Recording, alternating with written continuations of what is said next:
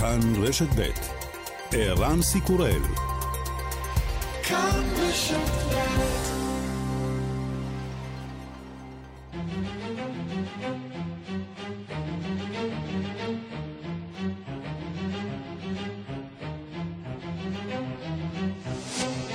השעה הבינלאומית 24 באוגוסט 2021 והיום בעולם. בנמל התעופה של כבול נכנס מבצע חילוץ האזרחים הזרים והפליטים האפגנים להילוך גבוה. ארצות הברית הצליחה לחלץ עד כה 37 אלף בני אדם במטוסים, והיא נערכת לפינוי של עוד 50 אלף בני אדם.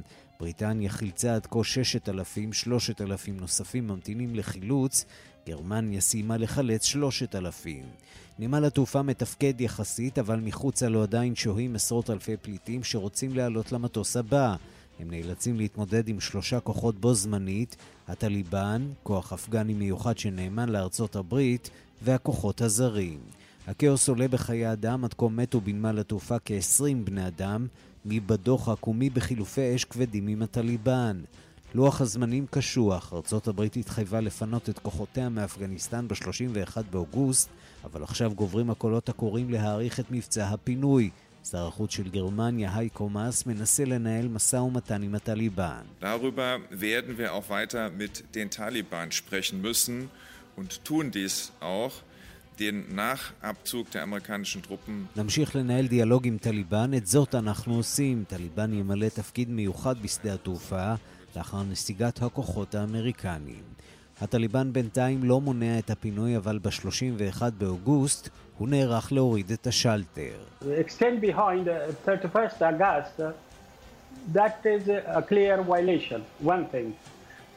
הארכת הפינוי לתאריך שלאחר 31 באוגוסט הוא הפרה בוטה של ההבטחות האמריקניות. יהיו לכך השלכות שעליהן תכלית המנהיגות שלנו, אומר דובר הטליבן סוהיל שהין. ארצות הברית שמתגלה בחולשתה בימיה האחרונים באפגניסטן מבינה שעליה לשגר מסר מרגיע לבעלות בריתה בעולם. סגנית הנשיא קמאלה האריס מבקרת בסינגפור ומנצלת הזדמנות להבהיר לבייג'ין לא נתיר לסין להשתלט על ים סין הדרומי. It is in our vital interest to stand united with our allies and our partners in Southeast Asia in defense of a free and open Indo-Pacific. free and open. זהו אינטרס חיוני עבורנו לעמוד לצד שותפינו ובעלי בריתנו בדרום-מזרח אסיה כדי להגן על חופש השיט באזור, שיט חופשי ופתוח. מנהל המזון והתרופות האמריקני העניק אישור מלא וראשון לחיסון של פייזר נגד קורונה, המנהל קובע כי החיסון עומד בסטנדרטים הגבוהים של בטיחות ויעילות. Who said that they uh, will not get the shot when it's until it has full and final approval of the FDA, it has now happened. The moment you've been waiting for is here.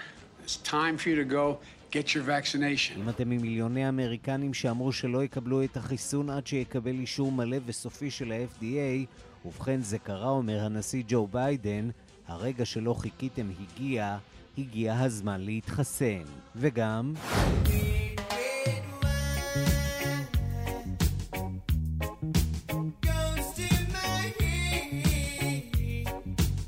הסקסופוניסט בריאן טרוורס ואחד ממנהיגי להקת UB40 מחלוצות הרגעי באירופה הלך לעולמו מסרטן המוח והוא בן 64.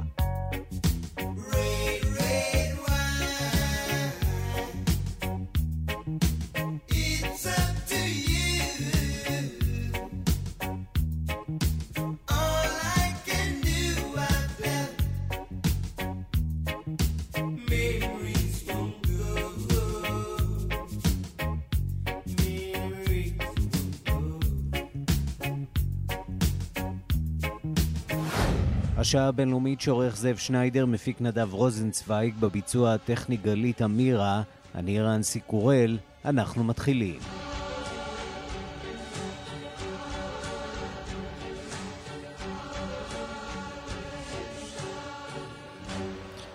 שלום רב לכם, ועוד לפני ענייני העולם, ידיעה אחת מבית חשובה לרבים, החיסון השלישי מתרחב רשמית לבני 30 ומעלה.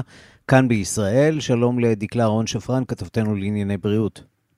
שלום ערן, אז ההודעה הזאת באמת יוצאת לפני זמן קצר ממשרד הבריאות, מבצע החיסונים במנה השלישית מתרחב כעת גם לבני 30 ומעלה, זה אומר שהחל מהיום, החל מעכשיו למעשה, מי שמעוניין להתחסן וגילו יותר מ-30 יכול לפנות לקופת החולים שלו כדי לקבל את הבוסטר. צריך להגיד שבישיבה האחרונה של צוות הטיפול במגיפות דובר על כך שבאמת ירחיבו בצורה מודרג, מדורגת את מעגל המתחסנים גם למי שהוא בן פחות מ-40, לא היה ברור בדיוק מתי זה יקרה, אז בעקבות ההמלצה של הצוות המייעץ לחיסוני הקורונה וצוות הטיפול במגיפות, זה קורה היום. והמעגל של מי שיכול לקבל את מנת הבוסטר מתרחב גם לבני השלושים ומעלה, אני מניחה שההודעה הזאת יכולה לעניין לא מעט מהמאזינים שלנו. ערן. ללא ספק, אם כן, אה, בני שלושים ומעלה, צאו להתחסן, החיסונים אה, מחכים לכם. נסו לקבוע תור אה, ולהתחסן כמה שיותר מהר, זה מציל חיים, את זה כבר למדנו. בשבועות האחרונים בעקבות החיסון של בני ה-60 ומעלה, בני ה-50 ומעלה, בני ה-40, ועכשיו גם בני 30 ומעלה. דקלה אהרון שפרן, תודה. תודה. ואת המסע שלנו מסביב לעולם אנחנו רוצים לפתוח uh, בטקס הפתיחה של המשחקים הפראלימפיים בטוקיו.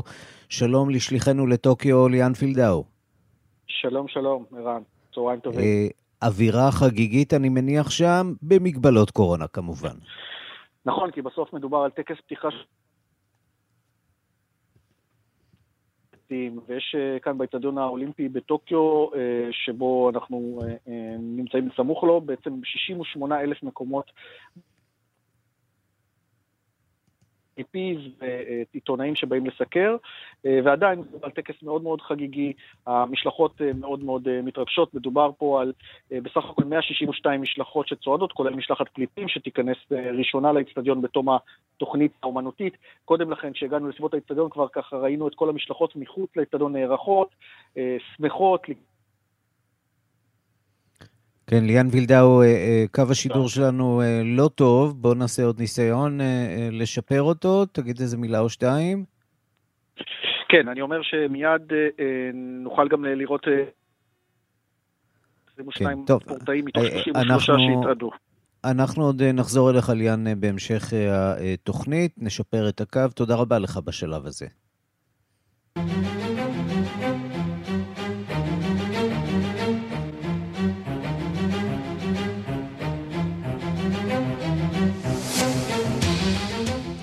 מרוץ נגד השעון בנמל התעופה של כבול לארצות הברית ובעלות בריתה נותרו שבעה ימים בלבד עד מועד הנסיגה שנקבע ל-31 באוגוסט.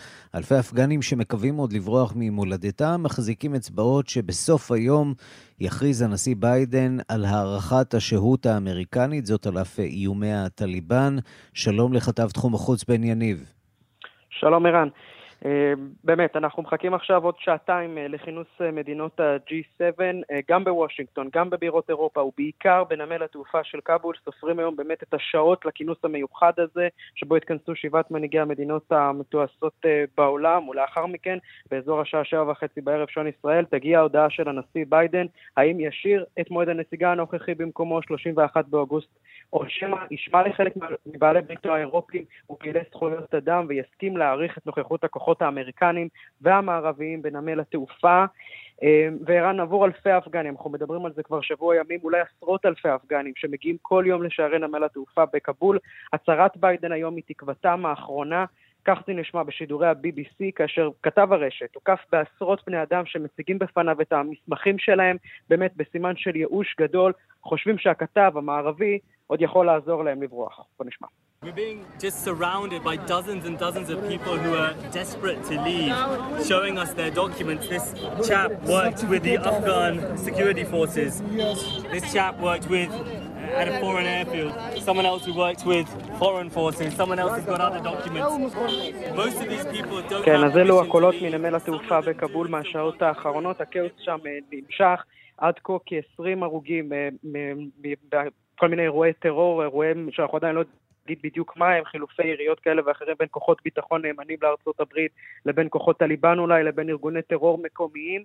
אה, עד כה פינו האמריקנים וכוחות הקואליציה כ-48 אלף בני אדם, רובם אפגנים שעבדו עבור מדינות המערב לאורך שני העשורים האחרונים.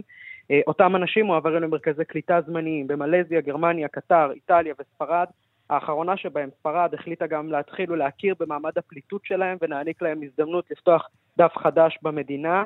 אה, ראשי שבע המדינות המתועשות כאמור ייפגשו היום באופן מקוון בעוד כשעתיים לדיון מיוחד בנושא המשבר באפגניסטן, אבל אם אתמול עוד נשמעו בכירים אמריקנים כאילו הם משאירים את הדלת פתוחה לרעיון של הישארות מעבר למועד הנסיגה המוסכם בסוף החודש, היום בבוקר כבר אומר שר ההגנה הבריטי בן וואלאס כי ביידן לא יאריך את שהות כוחות האמריקנים. האיום הביטחוני על נמל התעופה, אומר השר הבריטי, גובר משעה לשעה. As we get closer to the deadline, I think this, it, it's correct to say that the security risk goes up. It just gets more and more dangerous as sort of add-on groups and other terrorist groups such as ISIS would like to be seen כן, אז שר ההגנה הבריטי בן וואלאס אומר לרשת סקאי ניוז, ככל שאנחנו מתקרבים למועד, האיומים הביטחוניים גוברים. זה נעשה יותר ויותר מסוכן.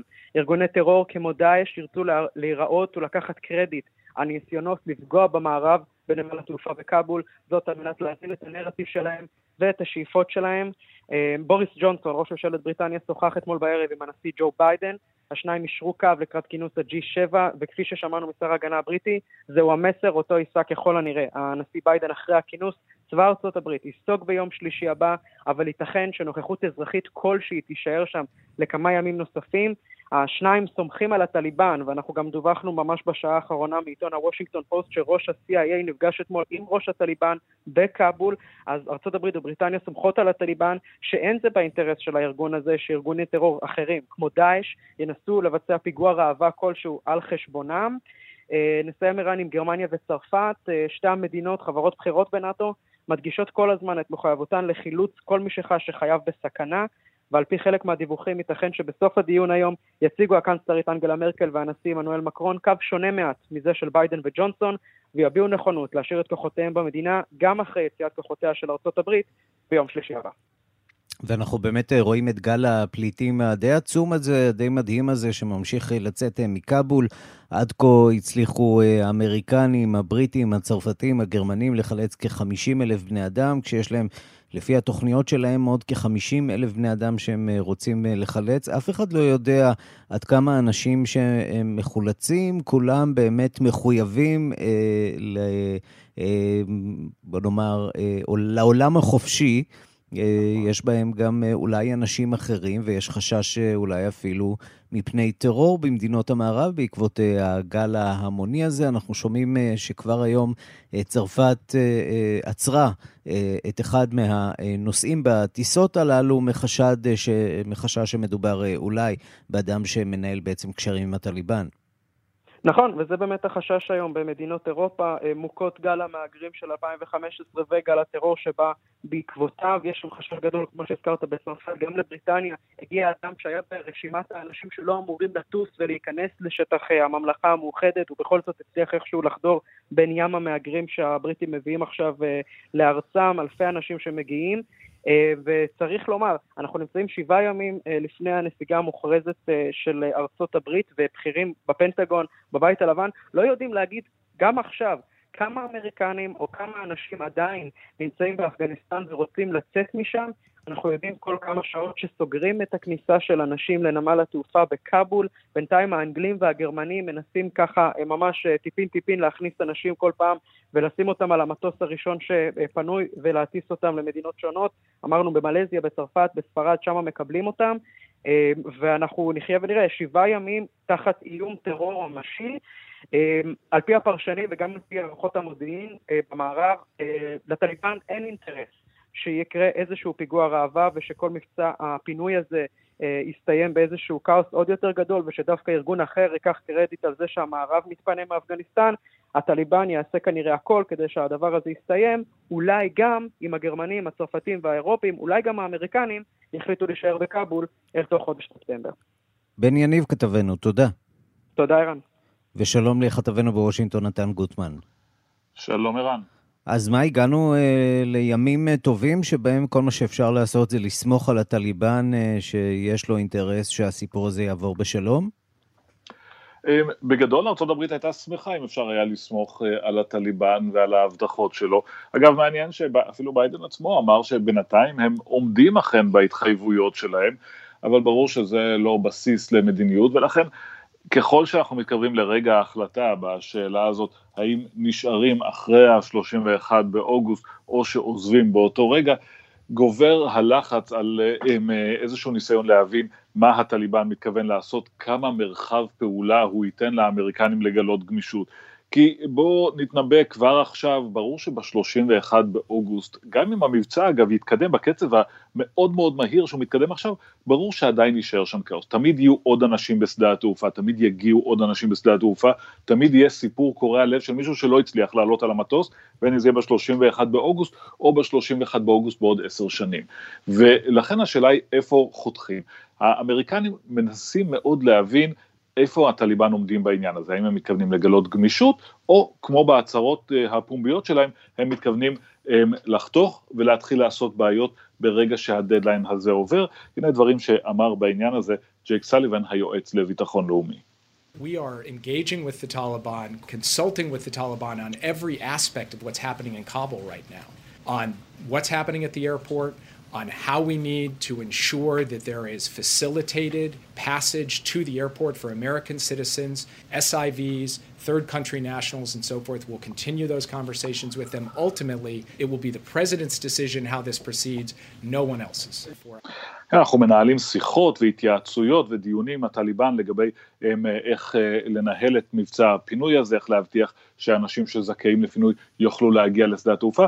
בסופו של דבר, אומר סליבן, ההחלטה תהיה של הנשיא ביידן. נטיית הלב של ביידן היא לחתוך ב-31. הוא לא רוצה להמשיך מעבר לזה, הוא כבר שילם את המחיר התדמיתי והפוליטי של um, הבלגן בנסיגה, ולכן עכשיו מבחינתו הוא מעוניין לגמור עם זה כמה שיותר מהר. אבל um, ברור שהנסיבות בשטח הן אלה שיכתיבו את המציאות עצמה, ולכן אה, יש את אי הבהירות הזאת. עכשיו יש גם לחץ פוליטי, ואנחנו שומעים את זה למשל מחברי קונגרס. הנה דברים שאומר חבר הקונגרס הדמוקרטי, יושב ראש ועדת המודיעין אדם שיף, שאומר צריך בהחלט להישאר שם גם אחרי. הנה קטע מהדברים. I think it's possible, but I think it's very unlikely, given the number of Americans who still need to be evacuated, the number of SIVs, the number of others uh, who are uh, members of the Afghan press, uh, civil society leaders, women leaders. It's hard for me to imagine all of that can be accomplished between now and the end of the month. כן, קשה לי לדמיין שנספיק להוציא את כולם עד סוף החודש, אומר אדם שיף, ולדעה הזאת שותפים רבים. השאלה היא, מה נשאר שם בסוף החודש? קומץ של אנשים, כמה אלפים או בלאגן עצום בשדה התעופה, זה פחות או יותר מה שיכריע איך ארה"ב ממשיכה הלאה אחרי הנקודה הזאת. נתן גוטמן, כתבנו בוושינגטון, תודה. תודה רבה. פרסומות. השעה הבינלאומית, היסטוריה במדינת ניו יורק, קטי הוקול, שהייתה עד אתמול סגניתו של אנדרו קוומו, הושבעה לתפקיד המושלת והייתה לאישה הראשונה בתפקיד. מה מחכה לה ואיך קוומו עצמו נפרד? שלום ליגאל רביד, הסיפור הזה לא נגמר, אתה אומר. הסיפור לא נגמר, ואנחנו עוד מעט נשמע את הדברים שאומר קוומו ערן, אבל אני רוצה לעשות לך היכרות עם האנרג'ייזר, משווים אותה לדמות המפורסמת מהפרסומת לסוללות, אתה ודאי זוכר אותה. היא אחת הנשים החרוצות ביותר בפוליטיקה, היא צמחה מלמטה, היא שירתה בשורה ארוכה של תפקידים בעיריות קטנות, בתפקידי מועצה שהם לא כל כך זוהרים ולא כל כך מביאים אותך לכותרות ולפרונט, ואחר כך בנפות ובאזורים אה, של רשויות מקומיות ומועצות אזוריות, באמת לא הדברים הכי סקסיים בעולם, אבל החל מהלילה, לפני שעות אחדות, כאשר השעון אה, נקש חצות, קטי הוקול היא המושלת הבאה ה-57 של מדינת ניו יורק, עוד יומיים מבת 63, וכן, זו האישה הראשונה בתפקיד. הדבר היותר מעניין בהיסטוריה של האישה הלא כל כך מוכרת, אגב, גם לא לתושבי מדינת ניו יורק ואזרחי הברית, מדובר בפוליטיקאית אומנם מאוד מאוד מוכשרת וחרוצה, עורכת דין בהכשרתה, אבל אה, איך אני אגיד את זה, אה, ערן? הקריירה שלה היא בעיקר סביב תקלות חמורות שהראו לאנשים שעבדו איתה או שהתחרו בה. לא פחות משבעה או שמונה אנשים, כולל המושל לשעבר אליוט ספיצר והיורש שלו סרנסן והרפובליקני פלדינו שהתחרו בהם כולם, וסגני אה, מושל, וחברי קונגרס, היא גם שרתה בקונגרס קדנציה אחת, כולם נאלצו לפרוש בגלל שעוריות מין, ואיך היא מגיעה היום הזה, הלילה הזה לתפקיד? בגלל שעוריית המין של אה, אה, אנדרו קוומו. אז הפרשנים אומרים כאן מצד אחד מאוד מאוד יפה, שאישה מגיעה לתפקיד המאוד בכיר, חשוב, עם משמעויות ונגזרות מאוד מאוד גדולות וחשובות לא רק למדינת ניו יורק, גם לקהילה היהודית, מעניין איך יהיה היחס שלה, לא הרבה יודעים על היחס שלה לקהילה היהודית ולישראל, המעמד המאוד מיוחד של הקהילה המאוד מאוד גדולה הזאת אה, בניו יורק. אבל אה, אם אתה רוצה, נשתמש במילה עממית שככה אוהבים להשתמש בה מעת לעת. האישה הזאת, הגברת הזאת, המושלת הזאת, היא הביאה בעיקר נאחס לכל מי שלא היה בסדר סביבה. היא אומרת, אצלי דברים כאלה לא יעבדו. מי שיפשל בצוות שלי, במשרה שלי, באזורים שלי, שאני יכולה להשפיע עליהם, אומרת קטי הוקול, יעוף כבר ביום הראשון. לא תצטרך להיות חקירה, והתובעת הכללית, לטישה ג'יימס, שהביאה להדחת קוומו, לא תצטרך לעבוד. אה, זה לגבי אה, קטי הוקול, אבל יש לה עוד משימה אחת. משפחת קוומו מחכה לה בסיבוב, אם אתה מרשה לי שוב להשתמש ככה במונח אה, עממי. פה יש מלך הקטעים שאומר אה, המושל הפורש אנדו קוומו לפני שעות אחדות אה, בנאום הפרידה שלו. You know me, I am a fighter. And my instinct is to fight this because it is unfair and unjust in my mind. But you also know that I love New York. And I serve you. אתה מבין, ערן? הוא אומר, זה לא בסדר, נהגו בי שלא כשורת הדין, נעשה לי עוול, אני עדיין מאמין שאני צריך להילחם, והוא מתכונן להילחם, ולא הוא והוא בלבד, אלא עדיין התמיכה המאוד מאוד עמוקה שיש למשפחת קוומו, שגם מחותנת, לפחות לשעבר, עם משפחת קנדי, אשתו לשעבר, הייתה ביתו של הסנאטור בובי קנדי. אה, יש לו סיכוי להילחם... כלשהו לחזור לפוליטיקה, לצאת נקי מהסיפור הזה? השאלה היא אחרת, מה הוא לא יעשה, יש לו סיכוי, זו שאלה מאוד מאוד טובה, אף אחד לא יודע, השאלה היא מה הוא יעשה, ופה אני חושב שניתן הרמז. הוא מתכונן להמשיך ולהילחם, יש למשפחת כמו בסיס פוליטי חזק מאוד, וגם אחיזה גדולה מאוד בתקשורת. אני מזכיר לך את הסיפור עם אחיו, השדר הבכיר של רשת CNN, שסייע לו לאורך כל הדרך. קריס קוומו. וגם על פי הטענות, קריס קוומו, כן. אותו קריס שיצא לחופשה כשהסתבר לך אחיו המושל, וגם אמר, אני לא יכול לטפל בסוגיה הזאת, אבל אחר כך התברר שהוא משך בקלעים, תדרך עיתונאים, ניסה לעזור לאח שלו, וגם ישב בצוות המשבר, מה שעיתונאי בתפקיד כל כך בכיר לא צריך לעשות. הסיפור הזה רחוק מלהיות מאחורינו, הסאגה של פרשת קוומו מעניין גם אם תתגלגל לפסים פליליים, האם אותן אחת מאות או יותר מאותן 11 נשים גם תתבע אותו תביעה אזרחית. הכל עוד מחכה לנו, יש מושלת חדשה, בהצלחה לה, לכולנו. ניו יורק יוצאת לדרך חדשה היום, ערן. יגאל רביד, תודה. תודה. מאות מיליונים ברחבי העולם עדיין ספקנים בנוגע לבטיחותם של החיסונים, בעיקר החיסונים החדשניים בטכנולוגיית אה, mRNA, שכולנו, רובנו, קיבלנו כבר לכתף.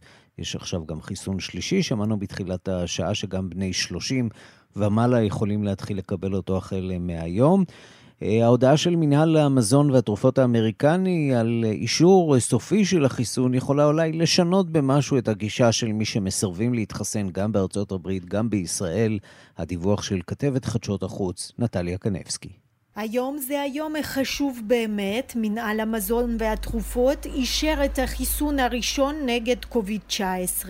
Today is really an important day as the FDA has approved the first COVID-19 vaccine. And as you heard, the vaccine has been known as the Pfizer BioNTech COVID-19 vaccine and will now be marketed as Comirnaty, prevention of COVID-19 disease in individuals 16 years of age and older. כפי ששמעתם, החיסון הזה הזה ידוע בשם פייזר ביונטק, ומעתה הוא ישווק בשם קומרנטי למניעת קוביד-19 בבני 16 ומעלה. זאת נקודת מפנה חשובה למדינתנו במאבק נגד המגפה העולמית, כך הודיעה אתמול דוקטור ג'נט וודקוק, נציבה בפועל של מינהל המזון והתרופות האמריקני. עד כה אושרו חיסוני פייזר ביונטק ואחרים לשימוש חירום בלבד.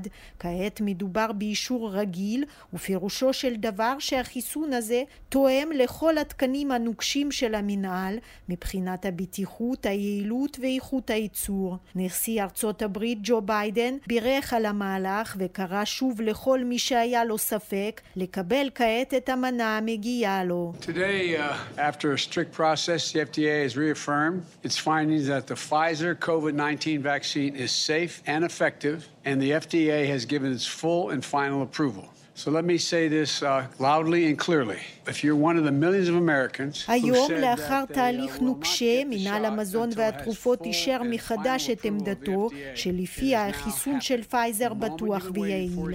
המינהל נתן לנו את אישורו המלא והסופי, לכן תרשו לי לומר זאת בקול רם ובבירור, אם עדיין לא עשיתם, אם אתם שייכים למיליוני אמריקנים שאמרו שהם לא התחסנו לפני שלחיסון יהיה אישור מלא וסופי, כעת זה קרה, הרגע שלא ציפיתם הגיע, זהו הזמן בעבורכם לקבל את חיסונכם כבר היום. The FDA approval is the gold standard.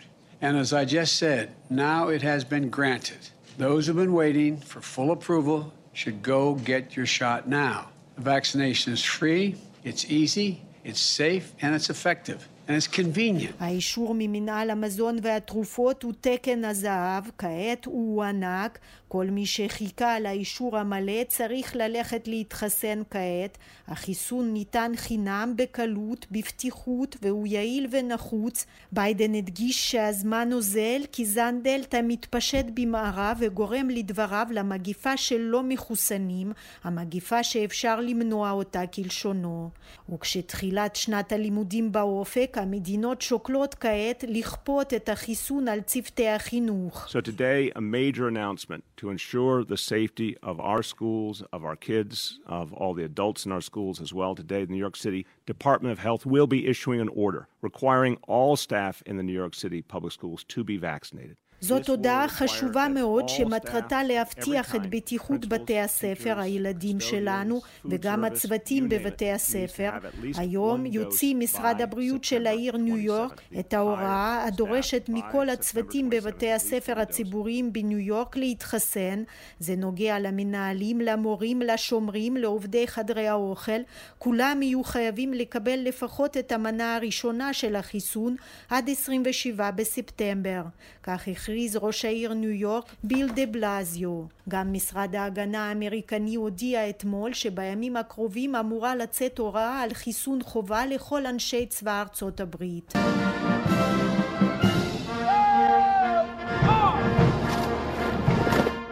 ואם כבר הזכרנו את הצבא, אז רחוק משם, בממלכה המאוחדת, ציינו אתמול אירוע צבאי סמלי אך חשוב. בפעם הראשונה לאחר 18 חודשים היו אתמול חילופי משמר רשמיים בארמון בקינגהם, לעיני אלפי צופים מאושרים. המלכה אליזבת השנייה לא הייתה בצופים, כי היא שוהה כעת כמנהגה במעון הקיץ שלה בסקוטלנד.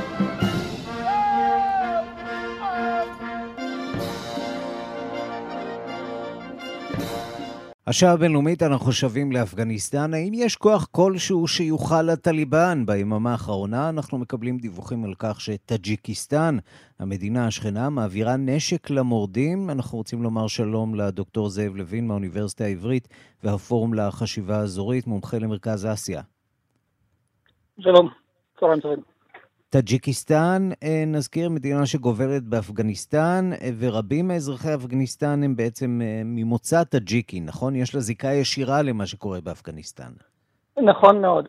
אפגניסטן היא לא מדינה הומוגנית, יש בה הרבה מאוד מיעוטים, הפושטונים מהווים את רוב האוכלוסייה, אבל יש לה בפירוש מיעוטים מאוד משמעותיים, גם של אוזבקים וגם של טאג'יקים שלהם, ששתי הרפובליקות הללו שגובלות עם אפגניסטן, יש עניין מאוד מאוד מובהק בכל מה שמתרחש באפגניסטן, ולא רק האינטרס, בגלל המיעוטים שלהם. שלהם.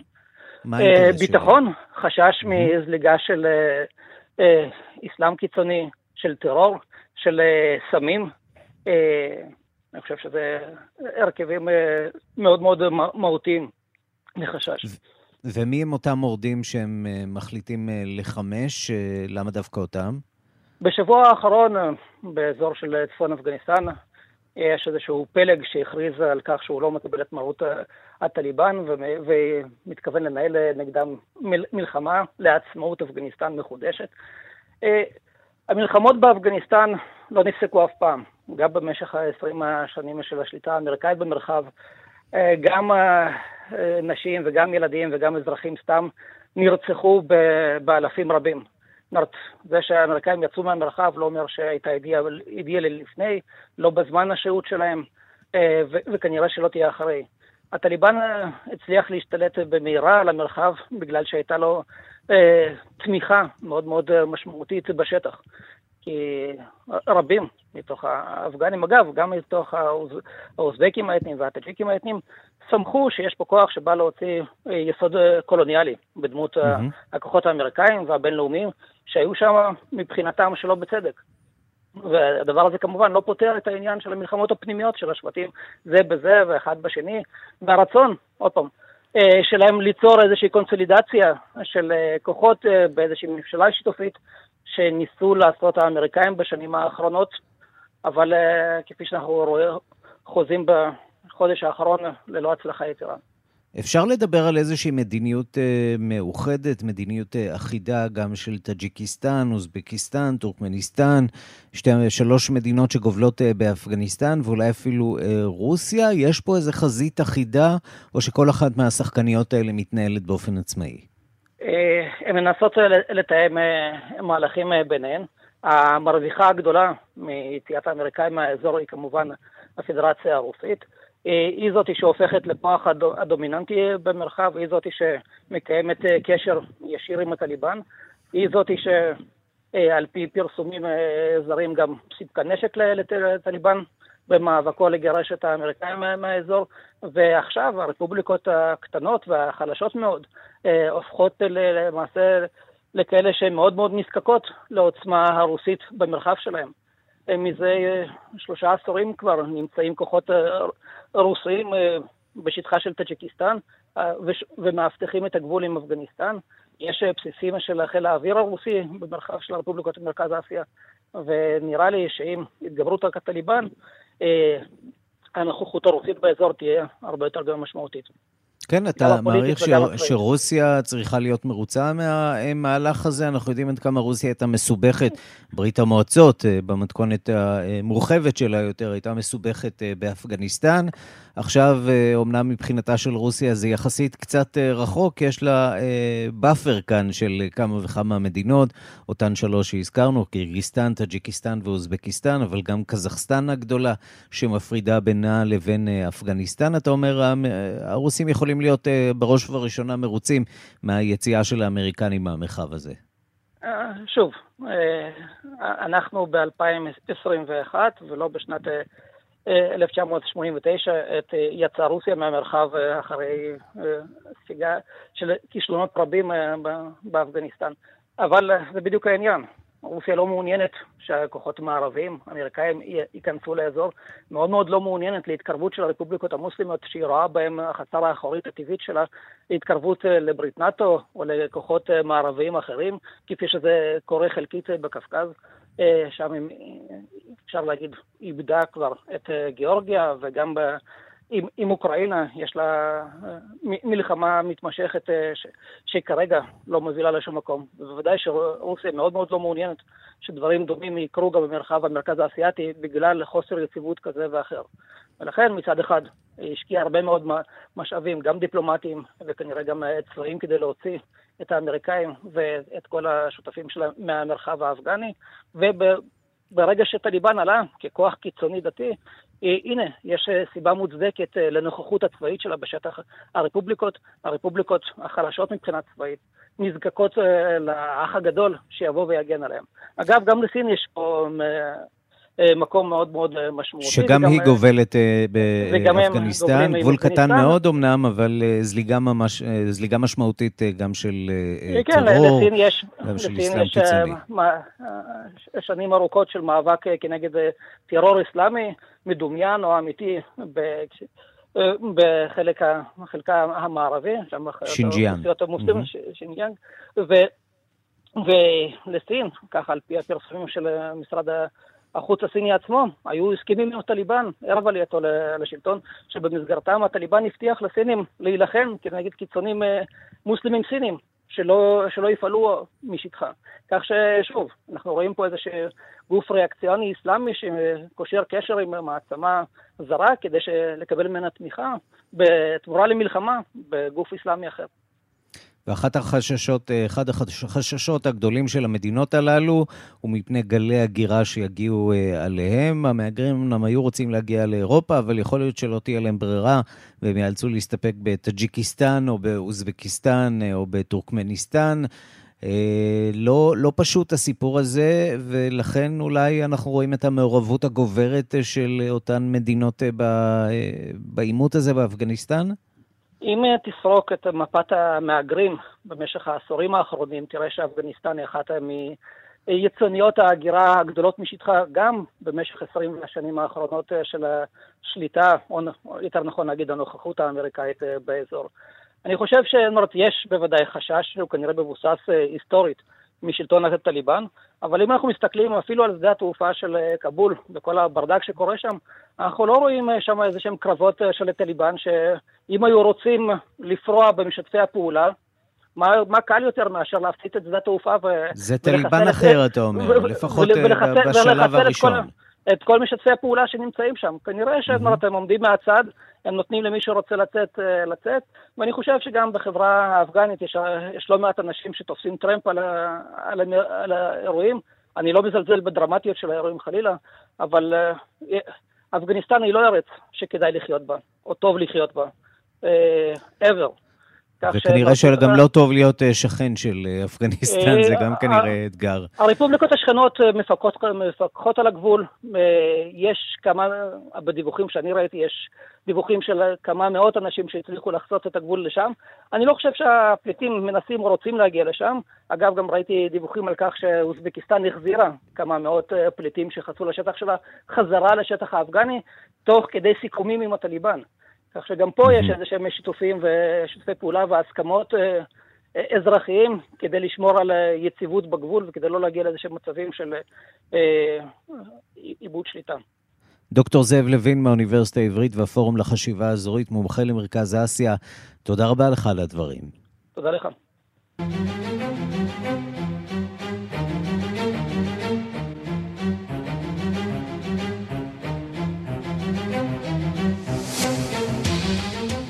אפריקה עכשיו. נשיא טוניסיה קאיס סעיד הורה להאריך את הקפאת uh, כהונתו של הפרלמנט בלי לקבוע תאריך סיום. לפני חודש הורה הנשיא להקפיא את פעילות הפרלמנט לתקופה של 30 יום כדי להילחם במשברים הכלכליים והבריאותיים שאיתם מתמודדת טוניסיה.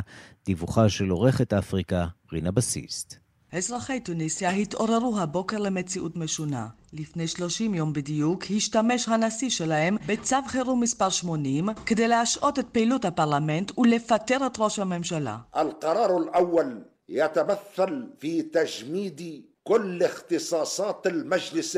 ההוראה הזאת אמורה הייתה להסתיים הבוקר, לאחר חודש, אבל הנשיא קאיס סעיד החליט להאריך את צו החירום ללא הגבלה.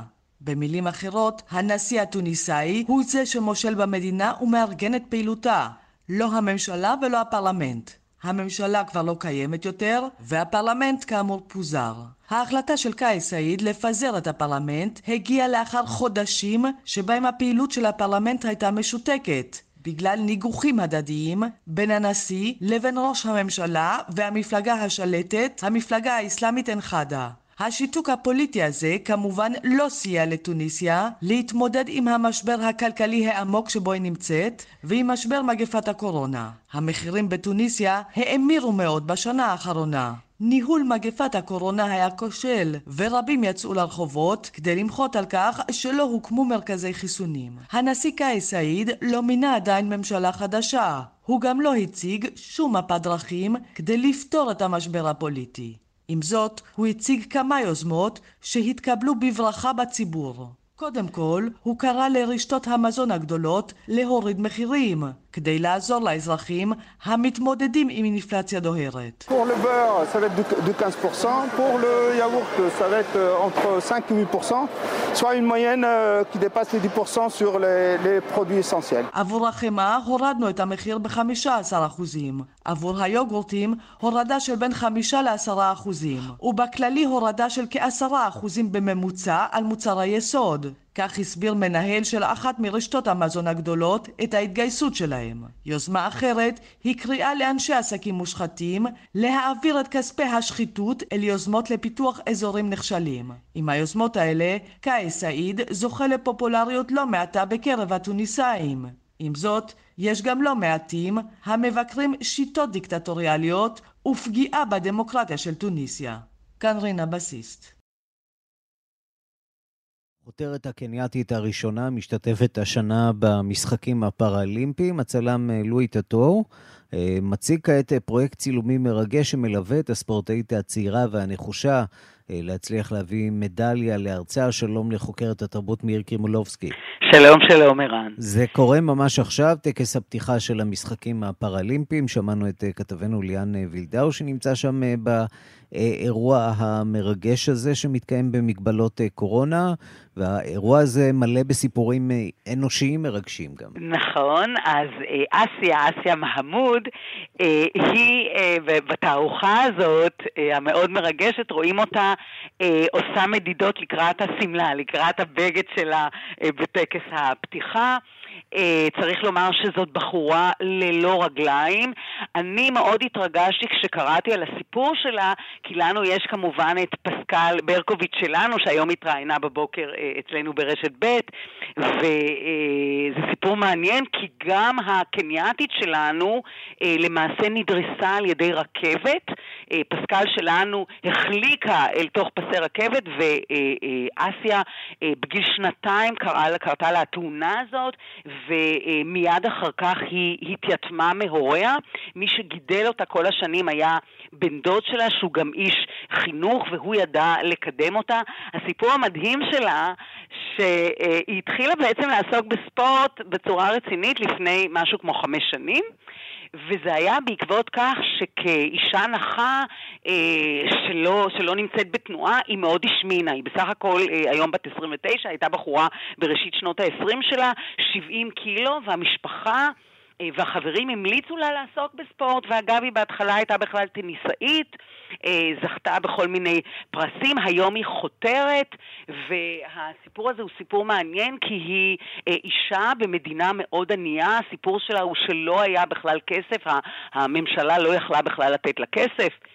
אצלנו מדובר יחסית במקום שאנחנו כן יכולים לעזור לספורטאים שלנו, לא כמו כמובן המעצמות הגדולות, mm-hmm. אבל כאן היה סיפור של כסף, ומשפחה וחברים התגייסו לעזור לה. הפרויקט הצילומי שהוא מטעם Getty Image ואפשר להיכנס ולראות אותו דרך הגרדיאן ברשת, בעצם מתעד, אתה יודע, פעולות הכי פשוטות שלנו כאנשים הולכים, אין איתם שום בעיה, אבל למשל היא מתאמנת במים, צריכים עם כיסא הגלגלים לעזור לה בעצם לעבור מהכיסא אל, ה, אל כלי השיט של הדברים הכי הכי הכי פשוטים אה, בעולם.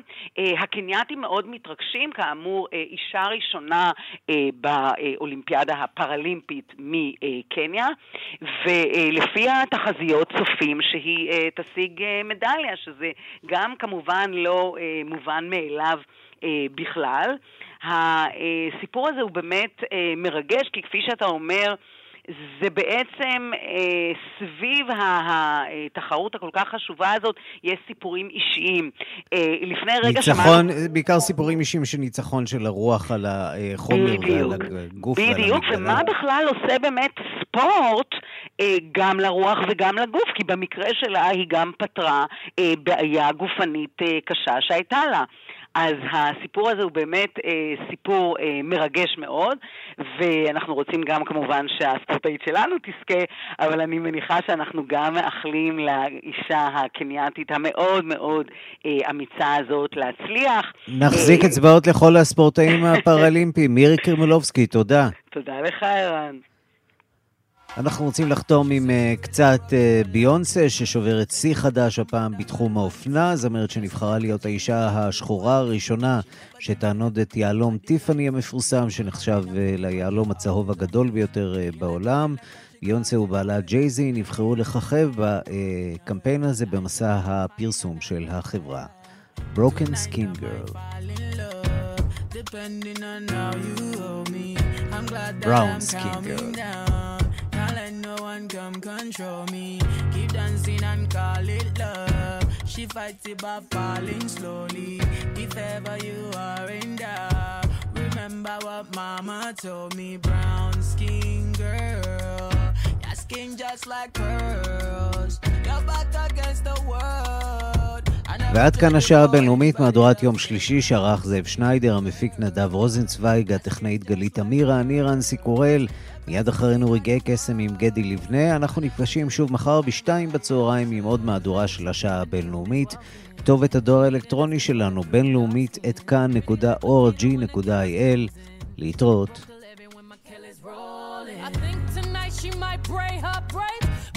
too dark to throw her shade. She minds her business and winds her ways. Go like 24K.